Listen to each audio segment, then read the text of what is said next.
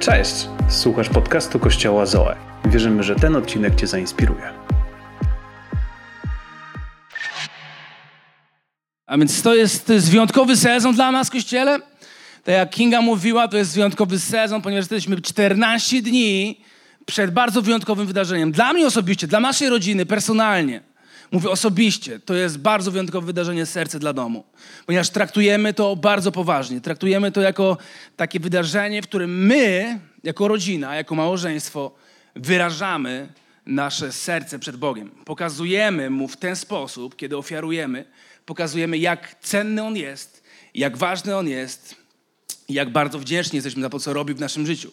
Jestem przekonany, że każdy z nas ma powody do wdzięczności. Amen? Jeżeli jesteś tutaj, jeśli oddychasz i mogłeś się tutaj dostać o własnych siłach, to naprawdę masz powód do tego, aby być wdzięcznym. I przez ostatnie trzy tygodnie mówiliśmy o, o mieliśmy serię, gdzie się podziałem moje finanse. Wiecie, kiedy myślę o finansach, zauważam jedną rzecz. Podejrzewam, że też to zauważacie. Że nasze finanse są bardzo mocno połączone z naszym sercem. Zwróciliście uwagę na to? Że nasze finanse są połączone z naszym sercem. Nasz portfel, który mamy w kieszeni, on jest taką grubą nitką połączony z naszym sercem. Nasze konto w banku, tam jest kilkanaście cyfer. Te konto w banku, te cyferki, one są połączone z naszym sercem. Nasze karty debetowe, plastikowe karty, te, które mamy, one są połączone z naszym sercem. I Jezus również o tym mówi w Mateusza w szóstym rozdziale, w 21 wersecie. Bo gdzie jest twój skarb? Powiedzcie głośno skarb. Ktoś z was znalazł kiedyś jakiś skarb, kopałeś gdzieś, byłeś na plaży i znalazłeś coś. Wiecie, ostatnio kupaliśmy takie wielkie odwodnienie i byli moi koledzy, moi przyjaciele i oni cały czas mówili Szymon, może znajdziemy jakiś skarb. Kopaliśmy w tej ziemi, może znajdziemy jakiś skarb. Wiecie, ale to nie jest prawda, nie znajdujecie skarbu tam. Twój skarb jest tam, gdzie jest Twoje serce. Jezus mówi, bo tam, gdzie jest Twój skarb, tam będzie i Twoje serce. A to oznacza, że nasze serce jest połączone z tym, co jest dla nas cenne, jest połączone z tym, co jest dla nas wartościowe, jest połączone z tym, o co się troszczymy. Ci, którzy troszczą się o swój samochód, czyszczą ten samochód, dbają, nie pozwalają dzieciom jeść tam chrupek, lodów, ciastek, czekoladek, pić napojów, ponieważ tam jest ich serce. Niektórzy troszczą się o swój dom, niektórzy troszczą się o swojego psa, niektórzy troszczą się o swoją krowę, niektórzy troszczą się o swoje buty, ponieważ tam jest ich serce. A więc moje pytanie dzisiaj dla nas, gdzie jest moje serce? Gdzie jest moje i gdzie jest Twoje serce? Przy jakich skarbach Dzisiaj znajduje się Twoje serce. I chciałbym, abyśmy dzisiaj porozmawiali właśnie o sercu. To jest bardzo ważny temat.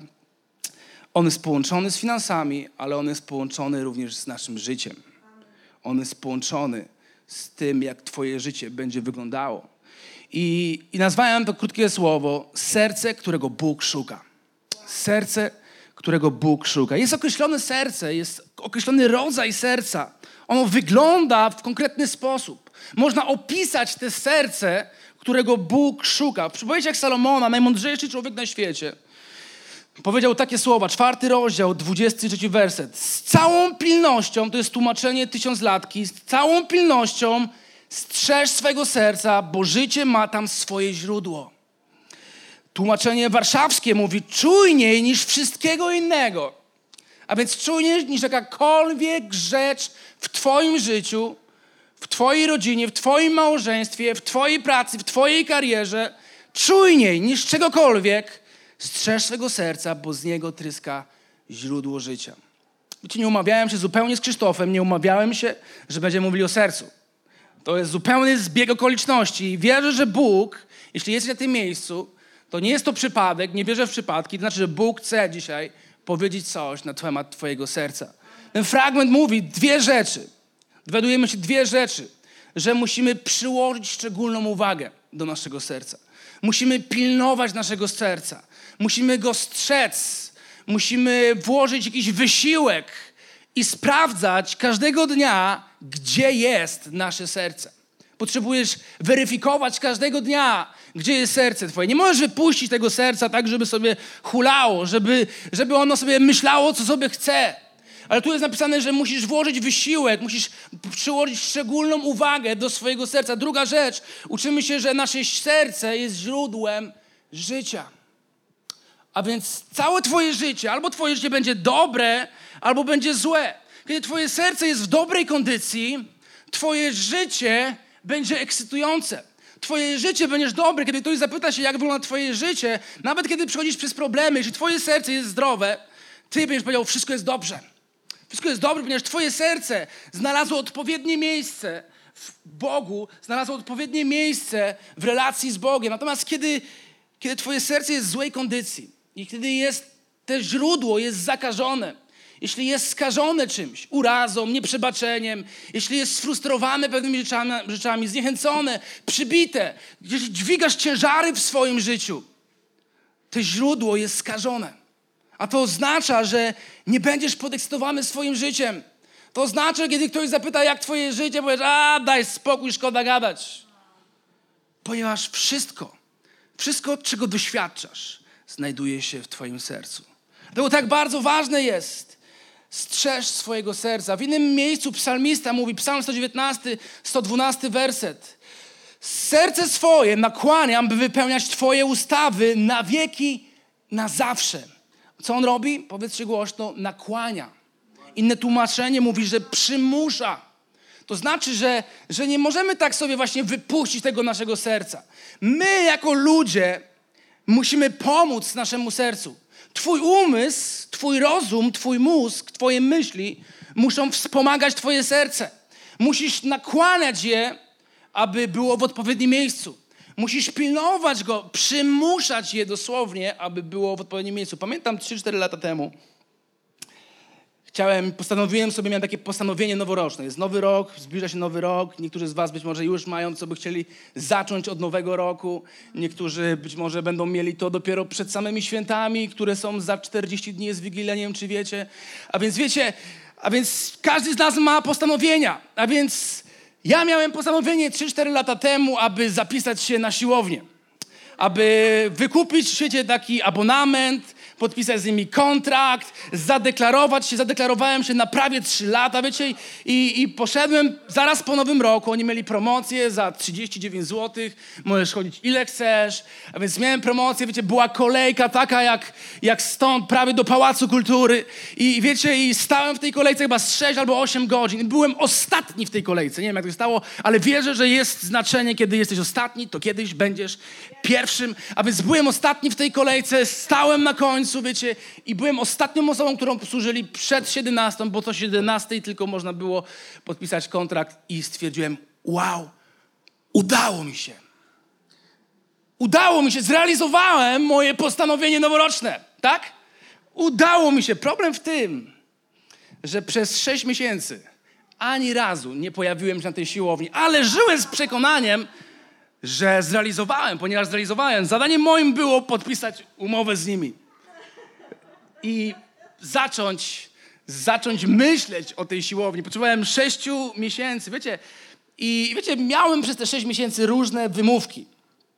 Miałem wymówkę, że o, wiesz, mam, wtedy jeszcze miałem dwójkę dzieci i mam dużo obowiązków i prowadzę firmę i, i mam żonę, wiecie, to też jest dużo obowiązków i, i jest jeszcze kościół i trzeba się przygotować w niedzielę do słowa i, i jest wiele obowiązków w tygodniu i miałem wytłumaczenia, miałem wymówki.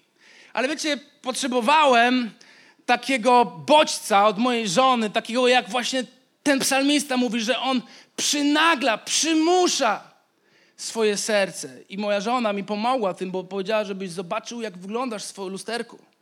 I ja wtedy, wiecie, czułem się naprawdę przynaglony. Czułem się przymuszony do tego, aby po sześciu miesiącach, płaceniu sześciu, miesiąc, sześciu miesiącach za nic, aby w końcu spróbować. I wiecie, całkiem nieźle mi szło do pewnego momentu, aż nie pojawiły się inne obowiązki w moim życiu. Amen? Ponieważ zawsze mamy wymówkę, że są jakieś obowiązki. Zawsze jest coś ważniejszego, ale prawda jest taka, że nie, nie, nie. Jeśli coś dla ciebie jest ważne, jeśli coś dla ciebie jest naprawdę istotne, to ty zawsze znajdziesz czas na to, aby aby to zrobić, aby być w tym miejscu. A więc serce swoje nakłaniam, przymuszam, do jakiego celu, mówi psalmista? Aby wypełniać Twoje ustawy na wieki, na zawsze. wypełniać Twoje ustawy. Powiedzcie głośno ustawy. Ustawy. Co to są ustawy? Nasz rząd przygotowuje pewne ustawy, prawda? I będziemy mieli nową ustawę i będziemy mieli nowy ład niedługo w Polsce. To jest podekscytowany. Niektórzy się śmieją, tylko nie są podekscytowani. A więc to będzie dobry nowy ład. Amen. Wierzymy w to. Wiecie, musimy być chrześcijanami, musimy spodziewać się dobrych rzeczy. Nie możemy zakładać, że będzie z góry źle. Wierzę, że Bóg ma plan, dobra? Amen? A więc, a więc psalmista mówi, nakłaniam moje serce, aby wypełniać Twoje ustawy. Wiecie, te ustawy, gdyby tak można było powiedzieć po chłopsku, tak po polsku, tak prosto. Czym są te ustawy? To jest Boży styl życia.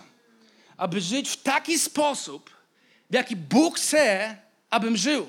Aby podejmować takie decyzje, jakie Bóg chce, abym podejmował aby moje serce było w tym miejscu, w którym Bóg chce, abym był. Wiecie, Bóg nas nie zaprogramował. Nie oczywiście uwagę, że nie jesteśmy zaprogramowani. Bóg, kiedy stworzył Adama i Ewę, nie wgrał im żadnego planu. Nie wgrał im żadnego programu i powiedział, że to jest program wypełniania Bożych ustaw. Nie. Bóg dał nam własną wolę, ja i ty mamy własną wolę i to jest największy przejaw może nie największy. Największym przejawem było posłanie Jezusa, ale drugim największym przejawem było to, że dał nam własną wolę. Pozwolił nam podejmować decyzje, ponieważ tak bardzo nas kocha, nie chciał nas do czegoś przymuszać. A więc, wiecie, gdyby on nam wgrał jakiś program, nie musiałbyś przymuszać swojego serca.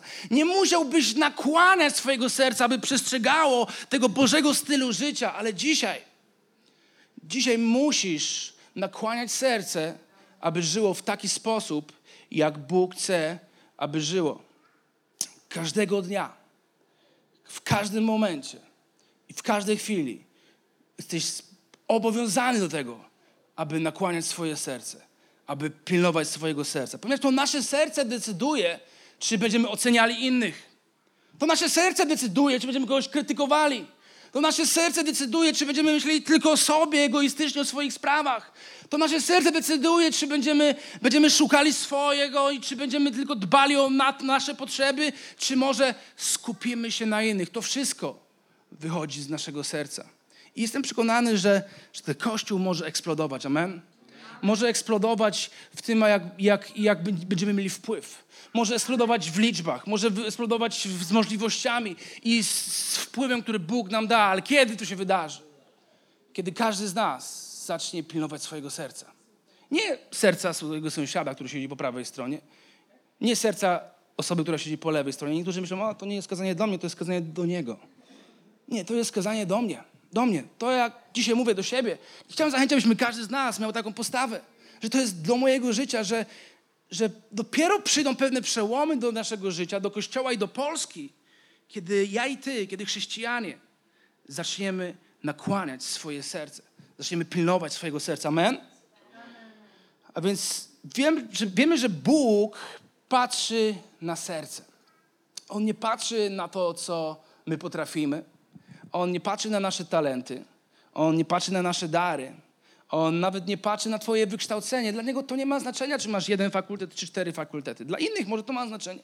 On nie patrzy, jakie Ty masz kursy skończone. On nie jest zainteresowany tym, co nawet Ty możesz zrobić. On jest zainteresowany tym, co robisz. Nie tym, co Ty możesz. Wiecie, bo my sobie, o, ja mógłbym to zrobić. Ale nigdy tego nie robię. On jest zainteresowany tym, co robię, ponieważ to, co robię, wypływa z postawy mojego serca. Przypowieści mówią, 27 rozdział, jak woda ukazuje twarz, tak serce ukazuje człowieka. Twoje serce ukazuje człowieka. Twoje decyzje pochodzą z Twojego serca. To, co wypowiadasz, kiedy rozmawiamy razem, to wypływa z Twojego serca. To, jak się zachowujesz, kiedy, roz, kiedy, kiedy spędzamy czas razem, to wychodzi z Twojego serca, nasze uczynki, postawy, słowa. Wiecie, pamiętam kiedyś głosiłem kazanie, to było kilka lat temu i, i był pewien, pewien młody chłopak, był pierwszy raz na naszym spotkaniu. I skończyło się to spotkanie i, i on podszedł do mnie, wyjął z kieszeni gdzieś taką, wiecie, wymiętoloną karteczkę i na tej karteczce miał zapisane kilka różnych myśli. I przyszedł do mnie przedstawił się, cześć, jestem, jestem taki i taki, nazywam się taki i tak. Słuchaj, to było, to był fajny czas, że mogłem tutaj dzisiaj z wami być, ale mam tu kilka myśli, mam tu kilka uwag, które chciałbym ci przekazać, z którymi chciałbym ci zostawić. Wiecie? I ja powiedział, wiesz, w ósmej minucie twojego kazania powiedziałeś, przejęzyczyłeś się i powiedziałeś to zamiast tamtego. Później powiedział, wiesz, e, w szesnastej minucie e, użyłeś złego słowa, żeby opisać daną sytuację, a później w, dwudziestej minucie e, źle odmieniłeś czasownik czasu przyszłego w pierwszej osobie, w drugiej liczby, e, w pierwszej w osobie pojedynczej, drugiej osobie. Wiecie, ja później powiedziałeś, patrzałem zamiast patrzyłem i wiecie, i zaczął wymieniać mi te wszystkie rzeczy. Nigdy się nie widzieliśmy, nigdy nie rozmawialiśmy. Widziałem go pierwszy raz w swoim życiu i o, dzięki Bogu ostatni. Wiecie, ale w tamtym momencie on wylał swoje serce. Ponieważ z obfitości naszego serca mówią nasze usta. A więc on pokazał, w jakim miejscu jest jego serce. On nie powiedział, wiecie, prawdopodobnie zdarzyło mi się powiedzieć kilka też dobrych rzeczy w tym kazaniu. Czasami tak jest, że na 40 minut może dwie myśli są ok, co nie? Wiecie, więc on nie zauważył tego, co było dobre. On nie powiedział, że czuje się zachęcony i że dziękuję, że się przygotowałem. Ale on mi wypisał całą listę rzeczy, które były złe. Z obfitości serca mówią Twoje usta. Kiedy rozmawiamy, to pokazuje, w jakim miejscu jest Twoje serce. Wiecie, Łukasza, 6 rozdział, 45 wiersz mówi, mówi tak. Człowiek dobry z dobrego skarbca swego serca wydobywa dobro, a niegodziwy ze złego wydobywa zło, gdyż w obfitości serca mówią jego usta. A więc nasze serce jest skarbcem. I wiecie, każdy ma w tym skarbcu różne skarby. Niektórzy ma dobre skarby, a niektórzy mają złe skarby. Tam są nie, niefajne rzeczy pochowane. Dlatego, kiedy wypowiadasz słowa swoimi ustami, kiedy rozmawiamy, kiedy pijemy kawę, tak naprawdę to jest bardzo łatwe i ty wyciągasz te skarby ze swojego serca. I można zobaczyć, co jest w sercu człowieka.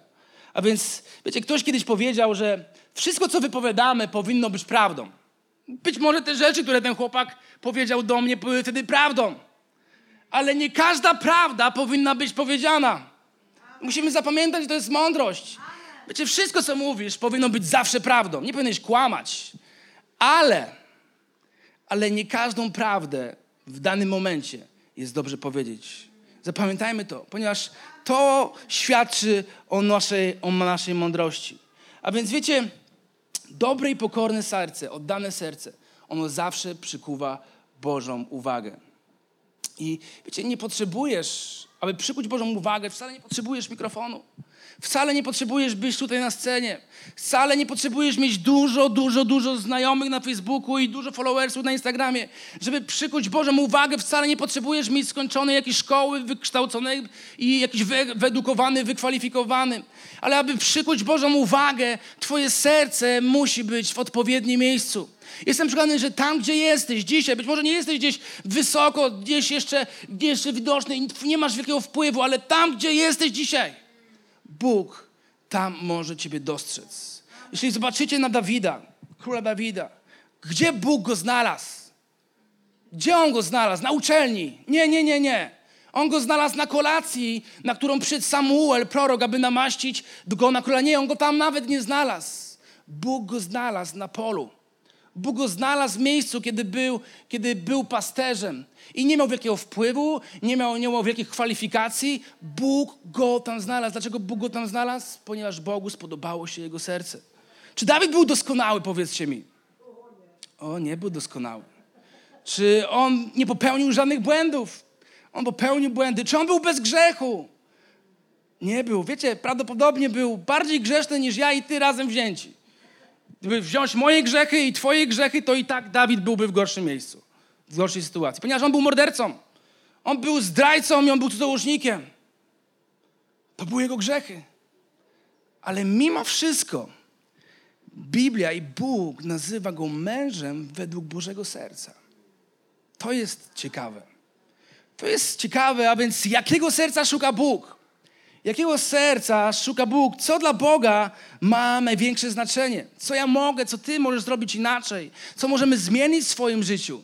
Aby Bóg mógł powiedzieć: O, tak, Szymon, to jest mąż według mojego serca. Mam trzy myśli. A więc pierwsza myśl. Bóg szuka posłusznego serca. Bóg szuka posłusznego serca. Posłuszne serce to nie znaczy, że to jest doskonałe serce, ale posłuszne serce to jest serce, które liczy się z Bogiem na każdym kroku.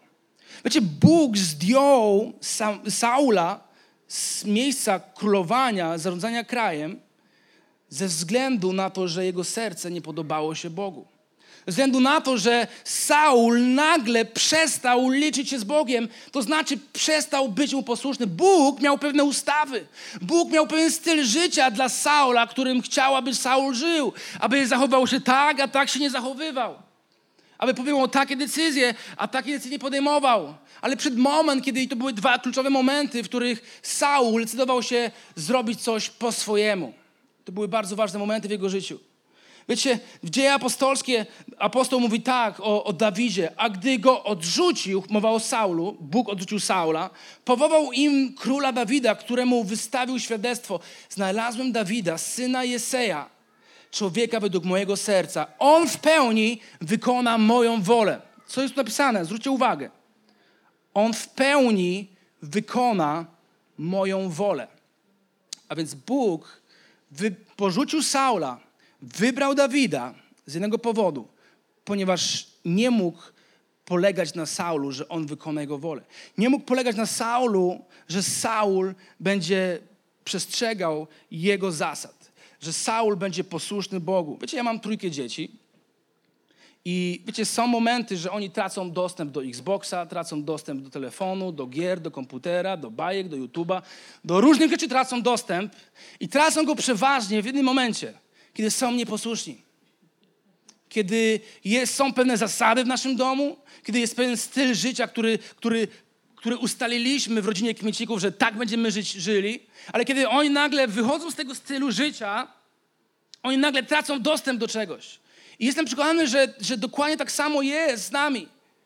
To znaczy, że Bóg nagle przestaje Cię kochać, ponieważ Bóg nas kocha bezwarunkowo. On kocha Ciebie cały czas tak samo.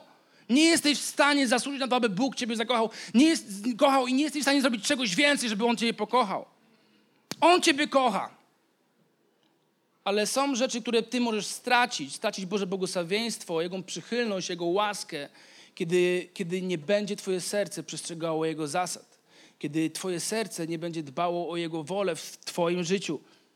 Wiecie, i to również działa w drugą stronę. Kiedy moje dzieci, one przestrzegają zasad, kiedy widzę, że mija jeden dzień, drugi dzień, trzeci dzień, czwarty dzień i one są posłuszne. Ja chcę ich nagrodzić. Ja chcę powiedzieć, hej, jesteście według naszego serca, serca mamy i serca taty. Podoba nam się sposób, w jaki żyjecie. A więc w posłuszeństwie nie chodzi o to, aby być doskonałym posłuszeństwie, musimy to zrozumieć, ponieważ czasami myślimy, o, jak ktoś jest posłuszny, to znaczy, że ma być doskonały. Nie. Bóg nie oczekuje, że będziemy doskonali. Bóg też nie oczekuje, że będziesz bez grzechu. Ponieważ gdyby Bóg tak oczekiwał, cała ofiara Jezusa nie miałaby żadnego znaczenia. Zwróćcie uwagę, że Bóg posłał Jezusa na świat, ponieważ wiedział, że ja i ty sobie nie poradzimy z grzechem. On wiedział, że przez, przez kilka tysięcy lat ludzie sobie nie radzili, więc posłał Jezusa. I on powiedział, okej, okay, ja wiem, że oni nie będą doskonali, nigdy nie będą doskonali, dlatego potrzebują Jezusa aby Jezus umarł za ich grzechy, umarł za ich winy. A więc posłuszeństwo nie ma nic wspólnego z byciem bez grzechu. Jezus zapłacił cenę za mnie, za ciebie. To nas czyni już usprawiedliwionymi. On przy nas, aby nas usprawiedliwić z naszego grzechu, z grzechu. A więc posłuszeństwo oznacza pragnienie uszczęśliwienia Boga swoim życiem. A kiedy Bóg patrzy na Twoje życie, On jest szczęśliwy. On mówi: Wow, Podoba mi się jego życie. Ty robisz, ty żyjesz w taki sposób, świadomie każdego dnia podejmujesz takie decyzje, aby podobać się Bogu. Aby moje decyzje, to jak mówię, jak się, jak się wyrażam, moje reakcje względem mojej żony, moje reakcje względem sytuacji, które spotykają mnie każdego dnia, moje reakcje względem moich dzieci. Kiedy Bóg patrzy, wtedy czy ja zadaję sobie pytanie, czy Bóg jest zadowolony z mojej postawy? Kiedy chcesz być posłuszny Bogu, to znaczy, że na każdym kroku jako dziecko liczysz się z tym, czy ta postawa, czy te zachowanie, czy ten, ten uczynek, czy on uszczęśliwi mojego Boga. Czy on będzie się podał Bogu. A więc to jest życie w świadomości. Saul nie liczył się z tym. Saul nie liczył się z tym i, i, i Bóg powiedział, ok, znalazłem nowego człowieka, który będzie żył zgodnie z moją wolą. Ja na 14-15 mówi, jeśli darzycie mnie miłością, będziecie wypełniać moje przykazania. I to jest połączone. Zawsze posłuszeństwo, to była pierwsza rzecz. Bóg szuka serca posłusznego. Jeśli daczysz Boga miłością, będziesz posłuszny. A więc te posłuszeństwo wydobywa się z czego? Z miłości do Boga. I to jest druga rzecz. Bóg szuka serca, które będzie Go kochało. Bóg szuka serca, które będzie Go kochało. Posłuszeństwo zawsze jest połączone z miłością. Jeśli kochasz kogoś, będziesz chciał żyć w taki sposób, aby się Jemu podobać. Aby, aby zasady i, i sposób życia, jaki ustaliliście, aby Jemu to się podobało. Wiecie, jeśli kochasz Boga, będziesz żył tak, jak On tego chce. I wiecie, w Samuela była pewna, pewna historia, da, różnica między Dawidem i różnica pomiędzy Saulem. Pewna różnica, którą możemy zobaczyć w pierwszym Samuela w 18 rozdziale. Był moment, kiedy, kiedy wojska wracały, wracały z wojny, wracały z bitwy i wtedy czytamy, że kobiety ze wszystkich miast Izraela wychodziły ze śpiewem i tańcem, z radością, przy wtórze tamburyn i cymbałek na spotkanie króla Saula. Więc zobaczcie, one przychodziły, aby spotkać Saula, ale śpiewały, śpiewały sobie przy tym piosenkę. Pobył Saul gromady, a Dawid miriady. Inne tłumaczenie, że pobił Dawid tysiąc, Saul tysiące, a Dawid dziesięć tysięcy. A więc on jakąś małą gromadkę pobił. Saul. Ale Dawid pobił dziesięć tysięcy, wielką gromadę, miriady. Wiedział, co nas szuje, aby przywitać Saula. I co się wydarzyło wtedy? Saul nie był zadowolony. To jest napisane, słowa te dotknęły Saula, uważał je za niewłaściwe. Dawidowi przypisywały dziesiątki tysięcy, a mnie tylko tysiące. Jest pewna różnica pomiędzy Dawidem a Saulem. Saul był skupiony na sobie. Hmm? Widzicie to? Saul był skupiony na tym, co kobiety mówią na jego temat. Ale Dawid, on był skupiony na Bogu. Saul był skupiony na tym, co śpiewają kobiety, ale Dawid był skupiony na tym, aby śpiewać dla Boga. Większość psalmów, ponad połowa psalmów, które są w Biblii, to są psalmy, które śpiewał Dawid do Boga. A więc Dawid, on nie był zupełnie zainteresowany tym, aby słuchać tego, co tutaj śpiewały te kobiety, te panny, które tak sobie tam podśpiewywały. On był zainteresowany tym, aby uwielbić Boga aby wychwalić Jego imię. Wiecie, kiedy zaczynasz uwielbiać Boga, ty ściągasz skupienie ze swojej osoby i przenosisz skupienie na Jego imię. A to, co zrobił w Twoim życiu. A więc Saul, on mówił, wow, jak one mogą to zrobić? On był, wiecie, narcyzem. On był egoistą, on był samolubny. Ale Dawid był człowiekiem, który był mężem według serca Bożego, ponieważ płynęła chwała z jego życia. I z tej lekcji możemy również wyciągnąć pewną uwagę dla kawalerów, którzy tutaj są. Mm? Jak jesteś kawalerem, to jest dobra wskazówka dla ciebie.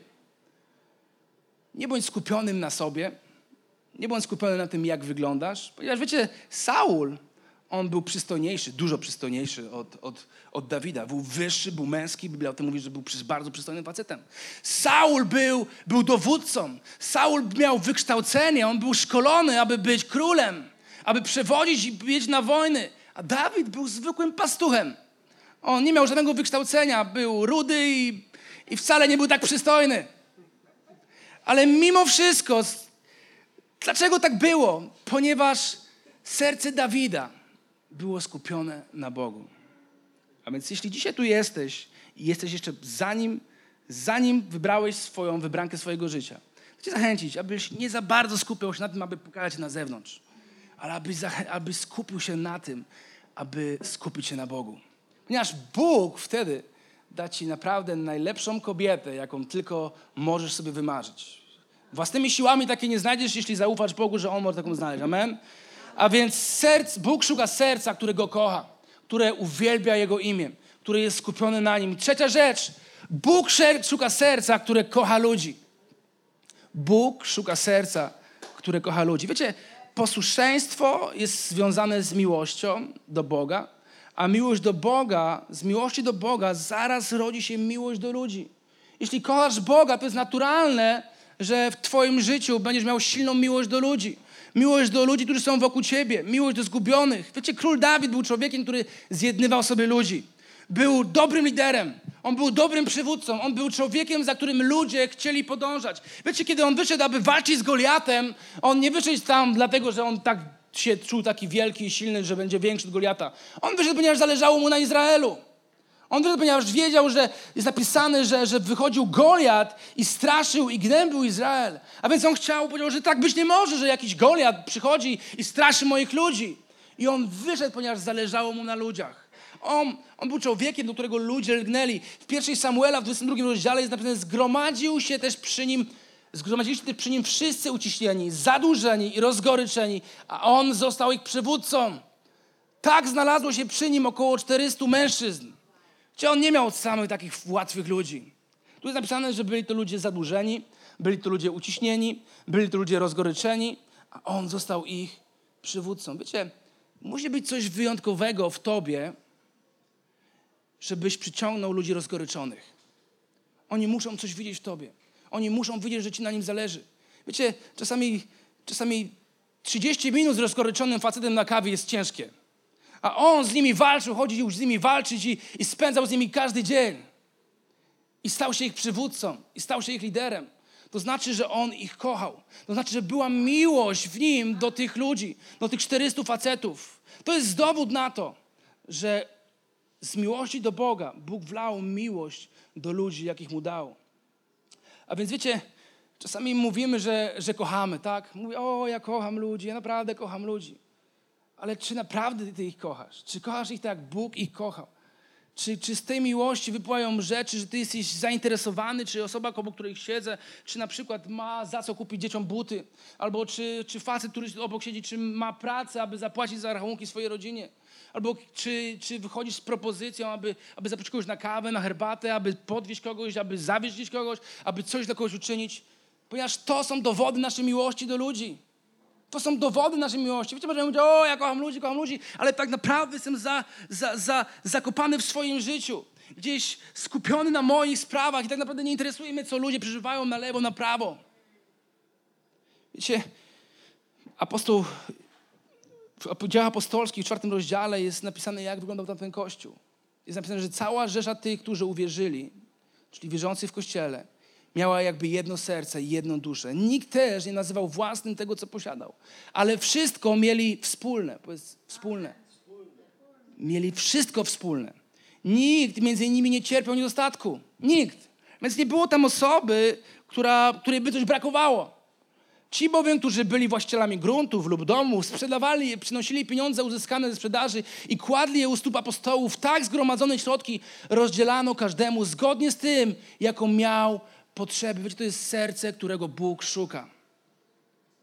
Oni sprzedawali domy, oni sprzedawali grunty, oni sprzedawali samochody. Wiecie, czasami modlimy się, Boże, Boże, ja chcę mieć serce według Twojego serca. A Bóg mówi, hm, czy Ty na pewno jesteś na to gotowy? My tak, o, ja bym chciał, aby Bóg powiedział, że mam serce takie, jak Bóg ma serce. Ale czy jesteś gotowy, aby sprzedać swój dom? Aby jesteś gotowy, aby podarować komuś swój samochód? Czy jesteś gotowy, aby, aby zrobić coś więcej niż wystarczy? Ponieważ tak właśnie żył pierwszy Kościół. To była pierwsza miłość. Miłość, gorąca miłość od Boga, którą On im dał, miłość do ludzi. Wiecie, wczoraj byliśmy w Ikei razem z Kingą i chodziliśmy pomiędzy tej Ikei, pomiędzy tą Ikeą i, i, i pomiędzy tymi regałami wszystkimi. I wiecie, mijałem różnych ludzi. I tam były dziesiątki, jakby nie setki ludzi w tej całej Ikei. I, I wiecie, modliłem się o to spotkanie i myślałem o tym, o czym dzisiaj będziemy mówili, o tym sercu, o tej miłości dla ludzi. I wiecie, i takie pytanie, czułem, że Bóg, Duch Święty zadaje mi pytanie, Szymon, czy ty kochasz tych ludzi, których tu mijasz w tej Ikei? No tak, Boże, kocham tych ludzi. Ale Bóg powiedział, czy ty naprawdę kochasz ich tak, jak ja ich kocham? I wtedy zacząłem myśleć, nie wiem, Boże, czy tak ich kocham. Czy ty byłbyś w stanie oddać swoje życie za tych ludzi? Czy ty byłeś w stanie pójść na krzyż, tak jak ja poszedłem na krzyż, aby, aby oni mogli żyć, aby mogli mieć życie wieczne? Czy ty kochasz tych, którzy źle ci czynią? Czy ty kochasz swoich wrogów? Czy ty kochasz tego człowieka, który ukradł ci 13 tysięcy złotych za schody, które mu zapłaciłeś i on nigdy nie zrobił tych schodów? Czy ty byś był w stanie oddać swoje życie za niego? Czy w naszym życiu jest prawdziwa miłość? Czy jesteśmy ludźmi według Bożego serca? Czy kochamy ludzi tak, jak Bóg kochał? Wiecie, był pewien moment w historii Saula i Dawida, kiedy, kiedy Saul poszedł do jaskini za potrzebą. Wiecie, że królowie też chodzili za potrzebą czasami? A więc on poszedł za potrzebą i w tej jaskini siedział Dawid i jego wojownicy. Tych 400 być może mężów, którzy byli razem z nim. A więc on był tam sobie, kucał, załatwiał swoje sprawy. I, I wiecie, i ci wszyscy jego wojownicy mówili, hej, Bóg wydał go w twoje ręce. Możesz iść i możesz go zabić. W końcu, wiesz, nie będziesz musiał uciekać. W końcu nie będziesz musiał walczyć razem z nim, żyć w strachu i w lęku. I w końcu będziesz królem. On mógł w ciągu jednych, nie wiem, dwóch minut stać się królem Izraela. Mógł to zrobić. Ale to, co on zrobił, on tylko podszedł, zakradł się, kiedy tam Saul się schylał i ciachnął kawałek jego szaty. I powiedział, nie, nie, nie. Nie zabiję. Nie zabiję Saula. Nie zabiję pomazańca Bożego. Człowieka, którego Bóg namaścił i postawił w tym miejscu. I zobaczcie, czy to nie jest dokładnie ten moment, tutaj, kiedy Saul nagle wychodzi, Dawid na niego krzyczy, hej, Saulu, mam twoją szatę, mogłem cię zabić, mogłem cię zniszczyć, ale nie zrobiłem tego. I wtedy Saul powiedział tak, gdy człowiek spotyka wroga, czy pozwala mu odejść spokojnie? Wiecie, tak sobie myślałem, czy ten spotkał tego gościa, który za ukradł mi 13 tysięcy złotych. Czy pozwoliłbym mu tak, okej, okay, idź sobie tam, wybaczam ci. Czy pozwalam mu odejść spokojnie? Niech więc Pan odpłaci ci pomyślnością za dzisiejszy dzień, powiedział Saul. Za to, jak mi ze mną postąpiłeś. Teraz wiem, że na pewno zostaniesz królem i że pod Twoim przywództwem podniesie się królestwo Izraela. Czy to nie są takie same słowa, które wypowiedział Jezus z Ewangelii Łukasza w szóstym rozdziale czy w drugim wersecie? Jeśli kochacie tych, którzy was kochają, to cóż wam wynagradzać? Przecież i grzesznicy kochają tych, którzy ich darzą miłością. Albo jeśli czynicie dobrze tym, którzy dla was są dobrzy, to cóż tu wam wynagradzać? Powiedział Jezus. Grzesznicy czynią to samo. I jeśli pożyczacie tym, od których spodziewacie się zwrotu, to cóż wam wynagradzać? Kochani, kościele, grzesznicy również pożyczają grzesznikom, aby odebrać tyle samo. Ale kochajcie waszych wrogów. Czyńcie dobrze, pożyczajcie, nie oczekujcie nic w zamian, a otrzymacie hojną zapłatę i będziecie synami Najwyższego. Czyli będziecie ludźmi, mężami i kobietami według Bożego serca. On bowiem jest życzliwy dla niewdzięcznych i dla złych. To jest nasz Jezus. To jest nasz Bóg. Taki był Dawid. On mógł zabić Saula w jednej chwili, ale on go pobłogosławił, dał mu żyć. A my czasami tu jest napisane, nie oczekując nic w zamian. Czasami oczekujemy coś w zamian. O, kogoś zaprosimy na obiad. Oczekujemy, że on się kiedyś odwdzięczy. Albo komuś coś pomożemy, bo może ktoś kiedyś mi też pomoże, kiedy będę w potrzebie. Nie, nie, nie. Serce, które Bóg kocha, to serce, które nie oczekuje nic w zamian. Które daje i nie spodziewa się zwrotu. Amen? To jest serce, którego Bóg szuka. Dlatego Jezus podnosi bardzo wysoko poprzeczkę. Bardzo wysoko. Dlatego nie każdy z nas jest w stanie mieć serce według serca Bożego, ponieważ nie zawsze chcemy żyć stylem życia, jaki Bóg chce dla nas. Ponieważ nie zawsze całym sercem, całą myślą i całą duszą kochamy Boga i Jego sprawy, to co On chce zrobić. I nie zawsze tak bardzo kochamy ludzi, jak kochał Jezus. Ale wierzę, że, że możemy to zmienić. Amen, Kościele? I chciałbym za, zakończyć fragmentem z obietnicą. Fragmentem z obietnicą Bożą dla tych, którzy całym sercem są przy Bogu. Druga kronik, 16 rozdział mówi, Pan bowiem przegląda całą ziemię. Inny fragment mówi, że Pan szuka po całej ziemi. I On szuka po coś, po to, by wzmacniać tych, którzy trwają przy Nim całym sercem. Bóg szuka, pytanie, czy znajduje. Czy kiedyś szuka i przegląda okolice województwa mazowieckiego.